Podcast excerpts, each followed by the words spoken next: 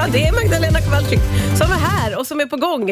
Eh, har skrivit en handbok för vår privatekonomi. Boken Dina pengar vill att du ska läsa heter den. Välkommen! Tack snälla Martina. Det är en fantastisk eh, liten eh, handbok. När jag fick den i min hand så tänkte jag verkligen så här, det, det känns som en otroligt perfekt handbok som jag vill stoppa i handväskan Vilket och ha med är mig precis vad jag hade hoppats att du skulle säga. jämt faktiskt. Du har skrivit den också, ska vi säga, tillsammans med Mikael Hussein. Just det. Eh, och det handlar inte om att bli rik, utan om att bli helt okej. Vilket är en underbar sägning. Hur kom ni fram till det?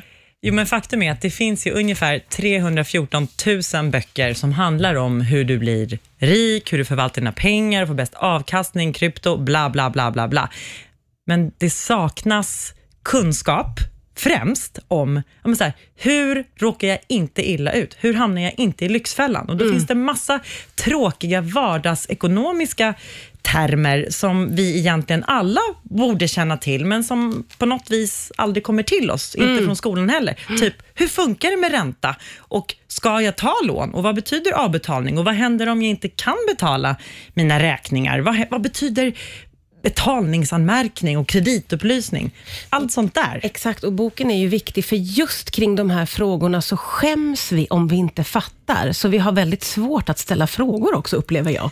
Precis, och, det är också, och då blir det så extra svårt att lära sig någonstans ifrån, för att våra föräldrar fick inte heller lära sig det här i skolan. Så hur skulle de då kunna lära oss? Nej. Och Sen så går tiden och så blir det lite pinsamt för att man är vuxen och man har bil och barn och Volvo och allting, men man har fortfarande inte kläm på det här, vilket är rimligt för att man aldrig fått lära sig. Ja. Så därför en liten handbok. En liten handbok. Eh, och hur har ni jobbat då när ni har tagit fram den här lilla handboken?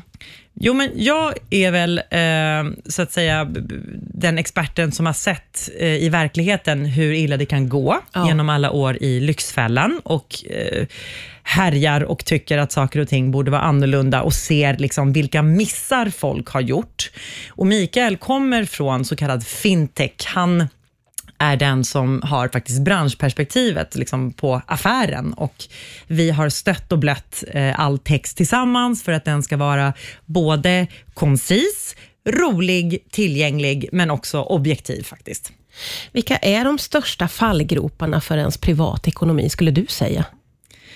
Jag skulle säga att överhuvudtaget ta krediter eller lån eller så kallat köpa nu, betala sen, utan att förstå vad det är man förbinder sig till. Ja. För vi glömmer att i vår vardag så ingår vi en massa juridiska avtal. När vi tecknar upp oss för ett mobilabonnemang eller om vi tar ett blankolån eller tar någonting på avbetalning, så ingår vi ett avtal.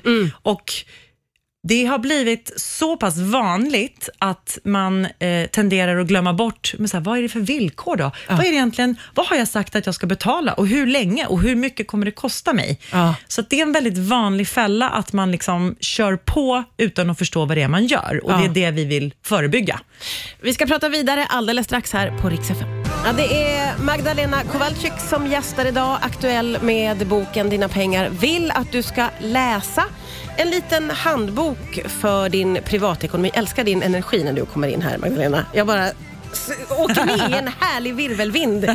Du, eh, den här handboken eh, är ju... Ja, vem, vem vänder den sig till skulle du säga? Vem har ni skrivit den för? Den vänder sig till alla som från den dagen att man faktiskt fyller 18 och är myndig, så har man en massa, massa möjligheter i livet, men man har också en viss risk att ställa till det för sig därför att man ingår avtal och förbinder sig till saker som man är juridiskt bunden till. Så egentligen alla som är 18, eh, för att man ska slippa hamna i ekonomiska bekymmer, men för den händelse att livet skiter sig, för det gör det ibland, man Ja. blir sjuk eller man förlorar jobbet eller pengarna räcker inte till eller vad det nu kan vara, så vill vi också ge liksom en liten checklista på så att du inte behöver stoppa huvudet i sanden. För det är väldigt lätt att när någonting känns övermäktigt eller ekonomin blev krånglig, att man inte vet vad man ska göra, att man skiter i allting. Ja. Istället finns det faktiskt saker som du som konsument kan göra. Vad bör jag göra? Vem bör jag ringa? Hur bör jag be om hjälp? Så att liksom även när livet blir jobbigt så finns det saker du kan göra och det vill vi berätta. Det är väl väldigt viktigt att skicka med, för det är ju många som liksom viker ner sig och bara struntar i allt när det, Det är där väldigt händer. mänskligt. Du, eh, skulle du säga att vi generellt har koll på våra egna pengar? Vi generellt, oj det är väldigt svårt att säga. Eh, jag kan konstatera att över en halv miljon svenskar idag, det är rätt många, har ärenden hos Kronofogden. Okej. Eh, jag kan också konstatera att fler och fler unga, alltså nyblivna myndiga, ansöker om skuldsanering. Och Det är ju någonting som man gör när man känner så här, nu har jag så pass mycket skulder och det är så tufft att jag vet inte hur jag ska ta mig ut det här. Ja. Eh, så att, har vi generellt koll? Jag vet inte. Jag vill dra mitt strå till stacken genom Ja. den här boken i alla fall och ge fler koll och fler människor möjligheten att slippa må dåligt över en havererad ekonomi. För jag tänker på det när jag bläddrar i boken, det här med att vi inte använder oss av lika mycket cash längre och att man handlar eh, digitalt eller vad man nu ska säga. Det, det kan slå mig själv ibland att det är svårt att hålla reda på utgifterna. Och när jag scrollar igenom mitt egen, min egen bank och ser, jaha, hade jag ett sånt här abonnemang? Alltså, det är ju svårt att tappa sig lite. Det är väldigt lätt hänt och det tycker jag visar sig väldigt mycket i det här långkörarformatet som heter Lyxfällan på TV.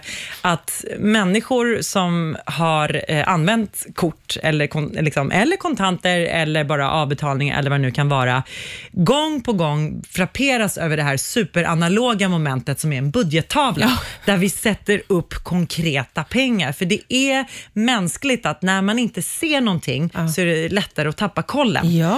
Så att absolut, det faktum att vi inte har kontanter, det gör det eh, lättare att trilla dit. Jag tänker vi ska prata lite vidare om hur viktigt det är att eh, sätta upp en budget för sig själv. Det gör vi strax här på Rix. Magdalena Kowalczyk gästar är ju aktuell med en handbok för din egen privatekonomi. Eh, Det här med att göra sig en budget, det är ju sånt som man alltid har hört talas om. Men jag ska säga ärligt att jag personligen, jag, jag gjorde en budget nyligen och det är första gången i mitt vuxna liv. Hur viktigt är det, tycker du, att man ska lägga tid på det? Ja, men så här, då, då ska man först vara lite frank och konstatera så här, det låter ju lite tråkigt. att så här, åh, jag Otroligt drog mig, det tråkigt." tog mig några decennier av mitt liv att göra budget. Åh, varför ska jag göra det? Ja. Istället, tänk om man kunde betrakta en budget som ditt verktyg så att du kan äga ditt liv. Du vill inte vara beroende av vare sig ett jobb du inte tycker om eller någon sambo som du inte är glad med.